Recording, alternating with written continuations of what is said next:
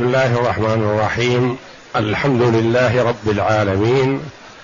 والصلاة والسلام على نبينا محمد وعلى آله وصحبه أجمعين. وبعد. بسم الله أعوذ بالله من الشيطان الرجيم. ولا جناح عليكم فيما عرضتم به من خطبة النساء أو أكننتم في أنفسكم. علم الله أنكم ستذكرونهن ولكن لا تواعدوهن سرًا. ولكن لا تواعدوهن سرا إلا أن تقولوا قولا معروفا. ولا تعزموا عقدة النكاح حتى يبلغ الكتاب أجله. واعلموا أن الله يعلم ما في أنفسكم فاحذروه. واعلموا أن الله غفور حليم. هذه الآية الكريمة من سورة البقرة جاءت بعد قوله جل وعلا والذين يتوفون منكم ويذرون أزواجا يتربصن بأنفسهن أربعة أشهر وعشرا. الآية لما ذكر جل وعلا عدة المتوفى عنها والمتوفى عنها فارقت زوجها وزوجها فارقها ميتا. فهي غير ذات زوج وربما طمع فيها الرجال لسبب من الأسباب. فلربما سارعوا أو تسابقوا إلى خطبتها فلربما اشتاقت إلى الزوج الجديد. فبخست أو أخفت أو نقصت شيئا من عدتها.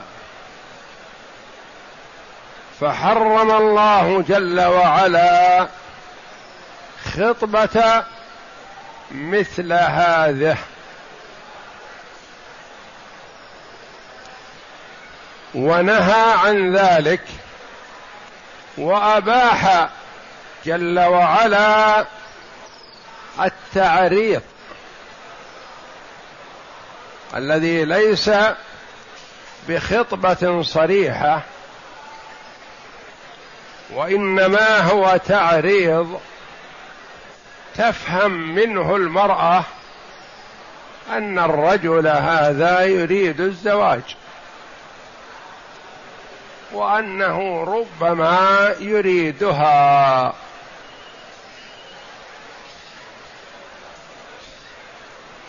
فقال تعالى ولا جناح عليكم فيما عرضتم به من خطبة النساء أو أكننتم في أنفسكم. فأباح جل وعلا التعريض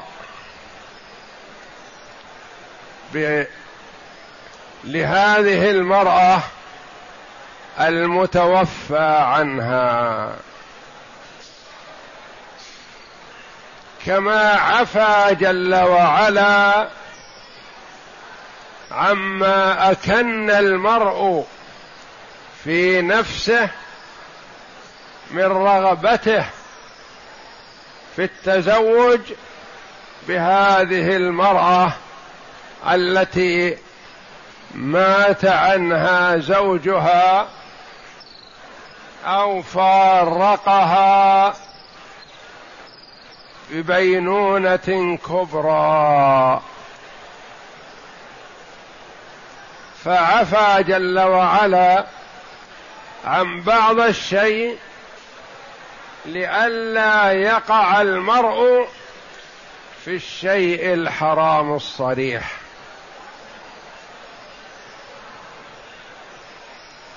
فالمتوفى عنها والمبانة بينونة كبرى في حال الحياة يحرم خطبتها ويباح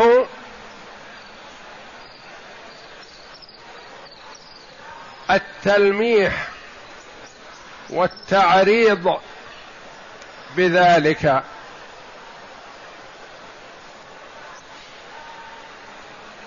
وأما المطلقة طلاقا رجعيا فيحرم التصريح بالخطبة كما يحرم التعريض كذلك لأنها لا تزال في عصمة زوجها ترثه ويرثها ولربما عاد بعضهم إلى بعض. اذا فالمفارقة ثلاث أنواع. مفارقة بموت زوجها. مفارقة ببينونة كبرى. مفارقة بطلاق رجعي.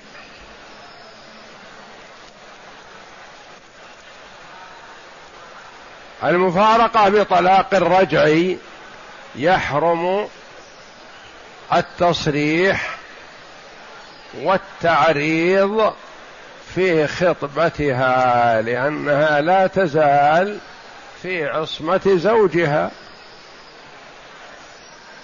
وربما أراد زوجها الرجوع إليها فيكون هذا التعريض إفساد لها على زوجها. المبانة في حال الحياة فارقت زوجها ولا يمكن أن يرجع إليها. لأنها بانت منه بينونة كبرى لكن هي في العدة. والتي فارقت زوجها حال بموته.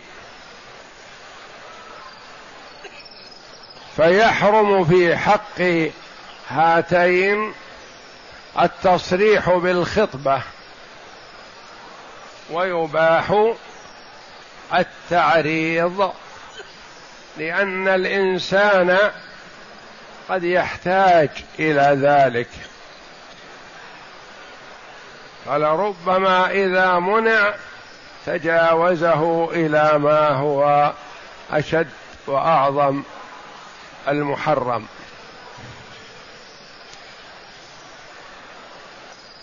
فقال جل وعلا ولا جناح عليكم. يعني لا إثم.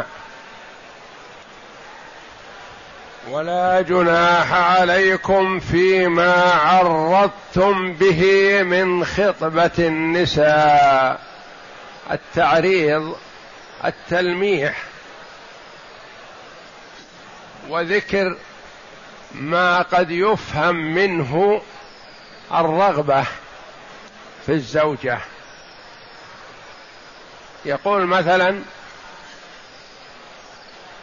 أنا أرغب في زوجة صفتها كذا وكذا.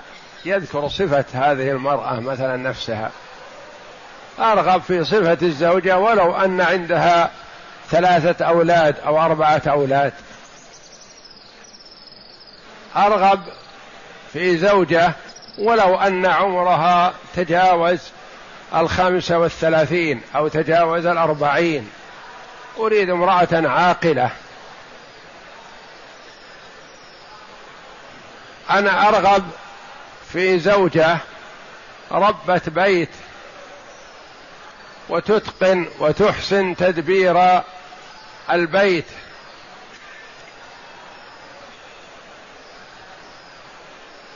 وتدبيرها لشؤون البيت حسن.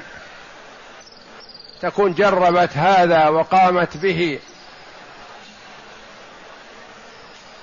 أنا في حاج رغبة لدي رغبة في زواج امرأة طويلة. تكون هذه نفسها طويلة مثلا. وهكذا يذكر أشياء تدل على أنه يرغب فيها لكن يحرم عليه أن يصرح أن يقول مثلا أنا أخطبك أنا أريدك لنفسي. هذا حرام عليه ما دامت في العدة. فيما عرضتم به من خطبة وخطبة النكاح خطبة بكسر الخاء بخلاف خطبة التي هي الموعظة والكلمة الطيبة وخطبة الجمعة وخطبة العيدين والاستسقاء يقال لها خطبة. وأما في النكاح فيقال خطبة يعني الرغبة في شيء ما.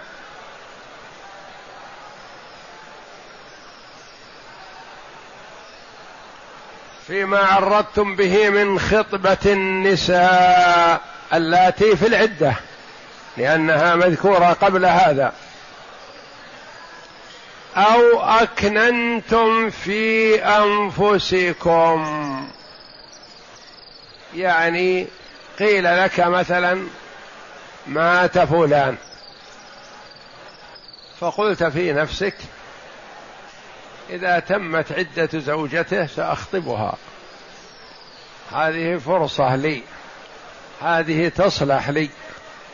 أنا أعرفها عند فلان مثلا قائمة بشؤونه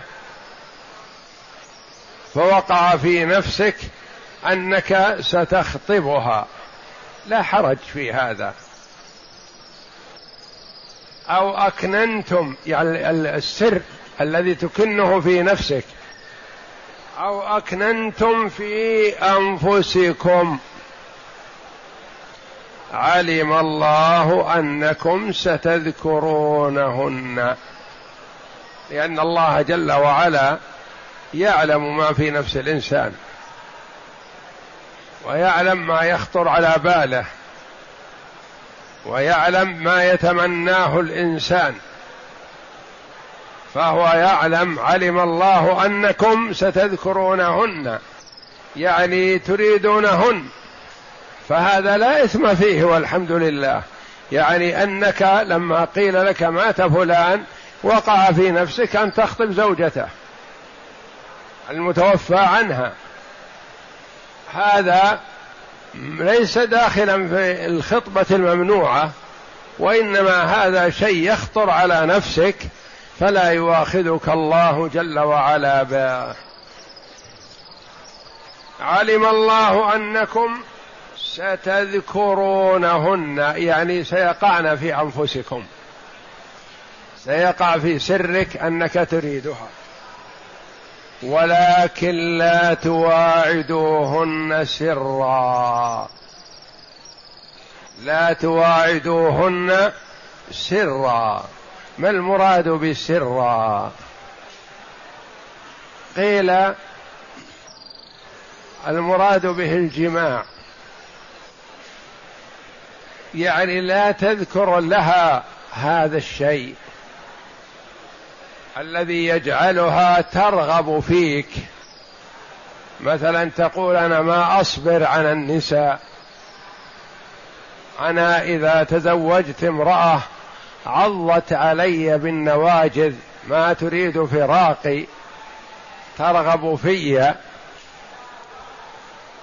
لأن في صفات قد ما تجدها الثيب التي عرفت الرجال عند غير. هذا ما يجوز لأنك تذكر شيء من أمور الجماع والمرأة معتدة. فربما أشغلت خاطرها بهذا الشيء وربما وقعت في الحرام بسبب كلامك حركت غريزتها. تواعدوهن سرا يعني أمور الجماع. وقيل سرا الزنا. احذروا أن تقعوا معهن في الزنا استدراجا لها لتقول لها مكنيني من نفسك وأنا أريدك. إذا تمت العدة تزوجتك. لا تواعدوهن سرا السر الزنا على قول بعض العلماء رحمهم الله. وقيل الجماع يعني تذكر شيئا مما تتميز به أنت عن غيرك في ظنك. وقيل لا تواعدوهن سرا يعني لا تعقدوا عقد النكاح سر حتى تمسكها. وأنت تقول مثلا الدخول وإعلان النكاح والعقد بعد تمام العدة لكن الآن نعقد عقد يمسك بعضنا لبعض. هذا محرم. وقوله تعالى سرا أقوال للعلماء رحمهم الله. منهم من قال المراد به الجماع ومنهم من قال المراد به الزنا ومنهم من قال المراد به العقد الخفي أو العقد المبدئي. ولكن لا تواعدوهن سرا إلا أن تقولوا قولا معروفا. قول يدخل في المعروف ويبعد عن المنكر. لا تقل لها قولا منكر ولكن ليقل ليكن قولك وتعريضك وكنايتك بالمعروف تقول أنا راغب في امرأة عاقلة ولو أنها كبيرة. أنا راغب في امرأة عاقلة ولو أنها أم أيتام. ونحو ذلك من الأمور التي لا محذور فيها ولا يخاف منها الوقوع في الاثم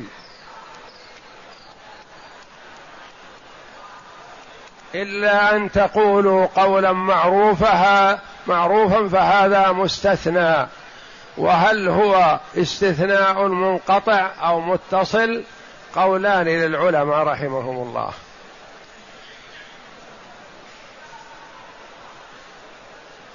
إذا كان هو غير المواعدة تواعدوهن نهى عن المواعدة وأباح القول المعروف فيكون حينئذ منقطع. لأن المستثنى من غير المستثنى منه هذا المنقطع. وإذا كان المستثنى من جنس المستثنى منه قالوا هذا استثناء متصل.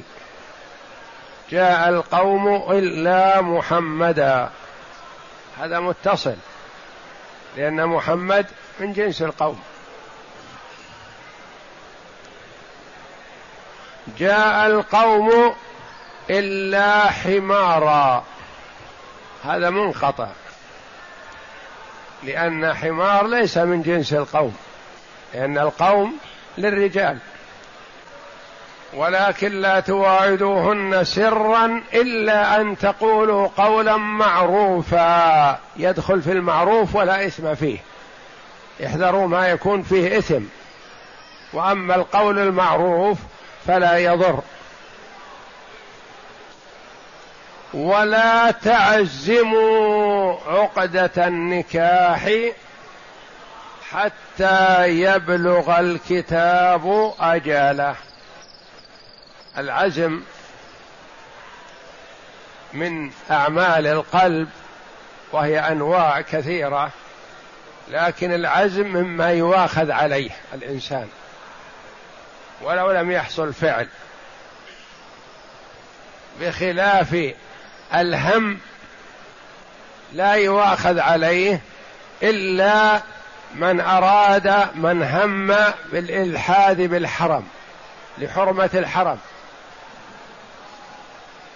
الهم في الإلحاد بالحرم يعاقب عليه والهم بالسيئة إذا تركها لله كتبها الله له حسنة كاملة. وهام لكن العزم يؤاخذ عليه وشاهده قوله صلى الله عليه وسلم إذا التقى المسلمان بسيفيهما فالقاتل والمقتول في النار. قالوا يا رسول الله هذا القاتل فما بال المقتول؟ قال إنه كان حريصا على قتل صاحبه. عازم لكن ما قتل. فيؤاخذ بهذا العزم. وهو هنا كذلك لا تعزموا عقدة النكاح. لا ترتبوا أموركم وتعزموا على العقد ولو لم تعقدوا. ولا تعزموا عقدة النكاح. يعني يحرم على الإنسان إذا رتب أموره مثلا وقال هلم إلى العاقد لنعقد وذهبوا إلى العاقد فطلب العاقد البينة وسأل عن العدة وكذا فتبين له أنها لم تكمل العدة. ما عقدوا لكن كانوا عازمين على العقد فهم يأثمون بهذا. ولا تعزموا عقدة النكاح يعني العقد الذي هو القبول والإيجاب وترتيب ذلك حتى إلى غاية. يبلغ الكتاب أجله. الكتاب العدة التي بينها الله جل وعلا في كتابه. حتى يبلغ الكتاب يعني المكتوب والمراد بها والله أعلم. العدة التي بينها الله جل وعلا في كتابه العزيز. إن الصلاة كانت على المؤمنين كتابا موقوتا. كتاب. محددة مبينة في كتاب الله. ولا تعزموا عقدة النكاح والمراد بعقدة النكاح يعني العقد والإيجاب والقبول. والعقد يحصل بالإيجاب والقبول مع الشهود. ولو لم يكن هناك خطبة ولو لم يكن هناك مأذون إذا حصل الإيجاب والقبول بشاهدين تم النكاح. لو قال واحد للآخر ولو أنه يمزح زوجتك بنتي فقال الآخر قبلت وعندهم شهود على هذا تم العقد. ثلاث جدهن جد وهزلهن جد النكاح هو الطلاق والعتاق وفي رواية والرجعة. النكاح حتى ولو كان على سبيل المزح فإنه يتم. ولا تعزموا عقدة النكاح حتى يبلغ الكتاب أجله. واعلموا أن الله يعلم ما في أنفسكم فاحذروه. موعظة بليغة من الله جل وعلا لعباده. واعلموا أن الله يعلم ما في أنفسكم. ولقد خلقنا الإنسان ونعلم ما توسوس به نفسه ونحن أقرب إليه من حبل الوريد. يعلم خائنة الأعين وما تخفي الصدور. موعظة بليغة من الله جل وعلا لعباده يحذرهم من أن يقعوا فيما نهاهم الله عنه. قد يحمله الرغبة في هذه الزوجة لكونها جميلة أو لكونها ذات مال أو لكونها ذات مكانة في المجتمع فيحب أن يسبق إليها خشية أن يقع فيها أو يدركها غيره. واعلموا أن الله يعلم ما في أنفسكم فاحذروه. احذروا عقابه. لا تتعرضوا لعقاب ربكم. واعلموا أن الله غفور حليم.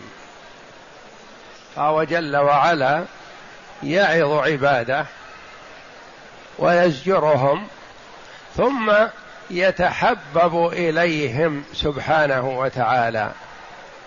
لا تيأسوا. إن كان قد حصل منكم شيء من هذا فلا تقل هلكت. وتيأس من رحمة الله. تيأس من مغفرته. اعلموا أن الله غفور.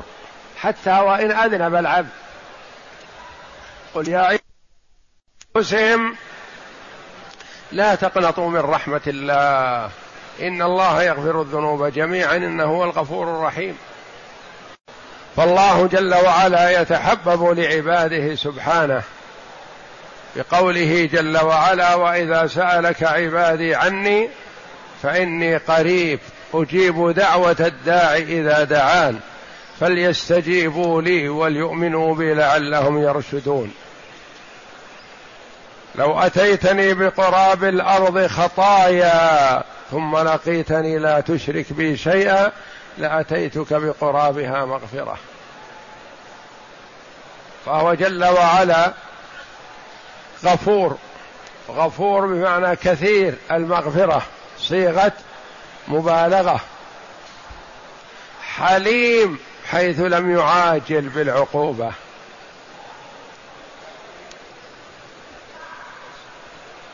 حليم لا يعاجل بالعقوبة جل وعلا. فلا تيأس من رحمة ربك. فهو جل وعلا غفور يغفر للمذنبين حليم على العصاة لا يعاجلهم بالعقوبة.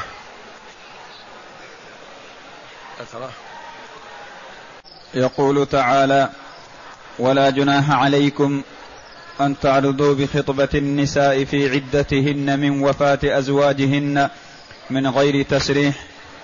قال الثوري وشعبة وجرير وغيرهم عن منصور عن مجاهد عن ابن عباس رضي الله عنهما في قوله تعالى ولا جناح عليكم فيما عرضتم به من خطبة النساء قال التعريض أن يقول إني أريد التزويج وإني أحب امرأة من أمرها ومن أمرها يعرض لها بالقول بالمعروف. وفي رواية وددت أن الله رزقني امرأة ونحو هذا ولا ينتسب للخطبة. وفي رواية إني لا أريد أن أتزوج غيرك إن شاء الله. ولوددت أني وجدت امرأة صالحة ولا ينتسب لها ما دامت في عدتها. وعن عن مجاهد عن ابن عباس في قوله تعالى ولا جناح عليكم فيما عرضتم به من خطبة النساء. والنبي صلى الله عليه وسلم قال لفاطمة بنت قيس اعتدي في بيت ابن أم مكتوم فإنه رجل أعمى تضعين ثيابك ولا يراك وإذا تمت عدتك أو كما قال صلى الله عليه وسلم فآذنيني يعني أخبريني. إذا تمت عدتك لأنه عليه الصلاة والسلام يريدها لأسامة ابن زيد رضي الله عنه. فقال إذا تمت عدتك فآذنيني ما خطبها عليه الصلاة والسلام وإنما عرض لها تعريض. فلما تمت العدة وإذا الناس تسابقوا إليها فجاءت إلى النبي صلى الله عليه وسلم تخبره بأنه خطبها معاوية وخطبها أبو الجهم اثنان يوم تمام عدتها. فقال النبي صلى الله عليه وسلم وتستشير النبي من تقبل من هذين معاوية أو أبو الجهم وإلا كلهم خيار. فقال لها النبي صلى الله عليه وسلم أما معاوية فصعلوا كل مال له يعني ينفق عليه أبوه. هذا دليل على أن الرسول عليه الصلاة والسلام لا يعلم الغيب إلا ما أطلعه الله جل وعلا عليه.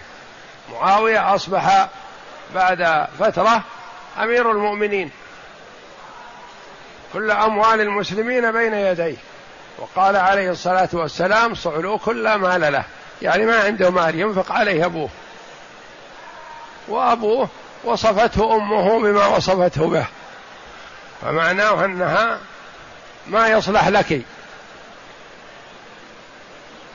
وأما أبو الجهم فلا يضع عصاه عن عاتقه. قيل إن معناه أنه يضرب عصاه دائما بيده وقيل إنه معناه أنه كثير الأسفار لأن المسافر يحتاج إلى العصا. فالعصا دائما معه كثير الأسفار. والنساء ما ترغب في الرجل الذي يكثر الأسفار لأنه يبعد عنها. انكحي أسامة بن زيد. دعي هذين وانكحي أسامة بن زيد. فقبلته رضي الله عنها. نعم. هو أن يقول إني أريد التزويج وإن النساء لمن حاجتي ولوددت أن ييسر لي امرأة صالحة. قال قال كثير من السلف والأئمة في التعريض إنه يجوز للمتوفى عنها زوجها من غير تسريح لها بالخطبة وهذا حكم المطلقة المبتوتة. يجوز التعريض لها كما قال النبي صلى الله عليه وسلم لفاطمة بنت قيس حين طلقها زوجها أبو عمرو بن حفص آخر ثلاث تطليقات فأمرها أن تعتد في بيت ابن أم مكتوم رضي الله عنه وقال لها فإذا حللت فآذنيني فلما حلت خطب عليها أسامة بن زيد مولاه فزوجها إياه. فأما المطلقة فلا خلاف في أنه لا يجوز لغير زوجها التصريح بخطبتها ولا التعريض لها. وقوله أو أكننتم في أنفسكم أي أضمرتم في أنفسكم من خطبتهن وهذا كقوله تعالى وربك يعلم ما تكن صدورهم وما يعلنون وكقوله وأنا أعلم بما أخفيتم وما أعلنتم ولهذا قال علم الله أنكم ستذكرونهن أي في أنفسكم فرفع الحرج عنكم في ذلك ثم قال ولكن لا تواعدوهن سرا. قال أبو مجلز وأبو الشعثاء جابر بن زيد والحسن البصري وإبراهيم النخعي وقتادة والضحاك والربيع بن أنس وسليمان التيمي ومقاتل بن حيان والسدي رحمهم الله يعني الزنا وهو معنى الزنا وهو معنى رواية العوفي عن ابن عباس رضي الله عنهما. وقال علي بن أبي طلحة عن ابن عباس رضي الله عنهما في قوله تعالى ولكن لا تواعدوهن سرا لا تقل لها إني عاشق وعاهديني ألا تتزوجي غيري ونحو هذا. وقال قتادة هو أن يأخذ عهد المرأة وفي عدتها ألا تنكح غيره فنهى الله عن ذلك وقد وقدم فيه وأحل الخطبة والقول بالمعروف وقال ابن زيد هو أن يتزوجها في العدة سرا فإذا حلت أظهر ذلك. وقد يحتمل أن, أن تكون الآية عامة في جميع ذلك.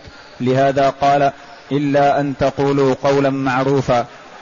قال ابن عباس ومجاهد وغيرهم إباحة التعريض ما تقدم من إباحة التعريض كقوله إني فيك لراغب ونحو ذلك. وقال غيرهم ما معنى قوله إلا أن تقولوا قولا معروفا؟ يقول لوليها لا تسبقني بها يعني لا تزوجها حتى تعلمني. وقوله ولا تعزموا عقدة النكاح حتى يبلغ الكتاب أجله يعني ولا تعقدوا العقدة بالنكاح حتى تنقضي العدة. قال ابن عباس ومجاهد والشعبي وقتادة والربيع بن أنس في قوله تعالى حتى يبلغ الكتاب أجله يعني ولا تعقدوا العقد بالنكاح حتى تنقضي العدة. وقد أجمع العلماء رحمهم الله على أنه لا يصح العقد في العدة.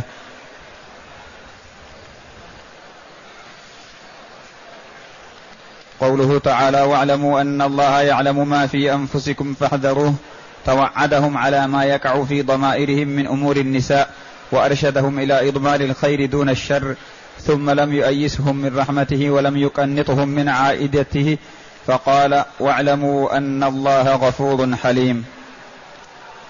والله أعلم وصلى الله وسلم وبارك على عبده ورسول نبينا محمد وعلى آله وصحبه أجمعين.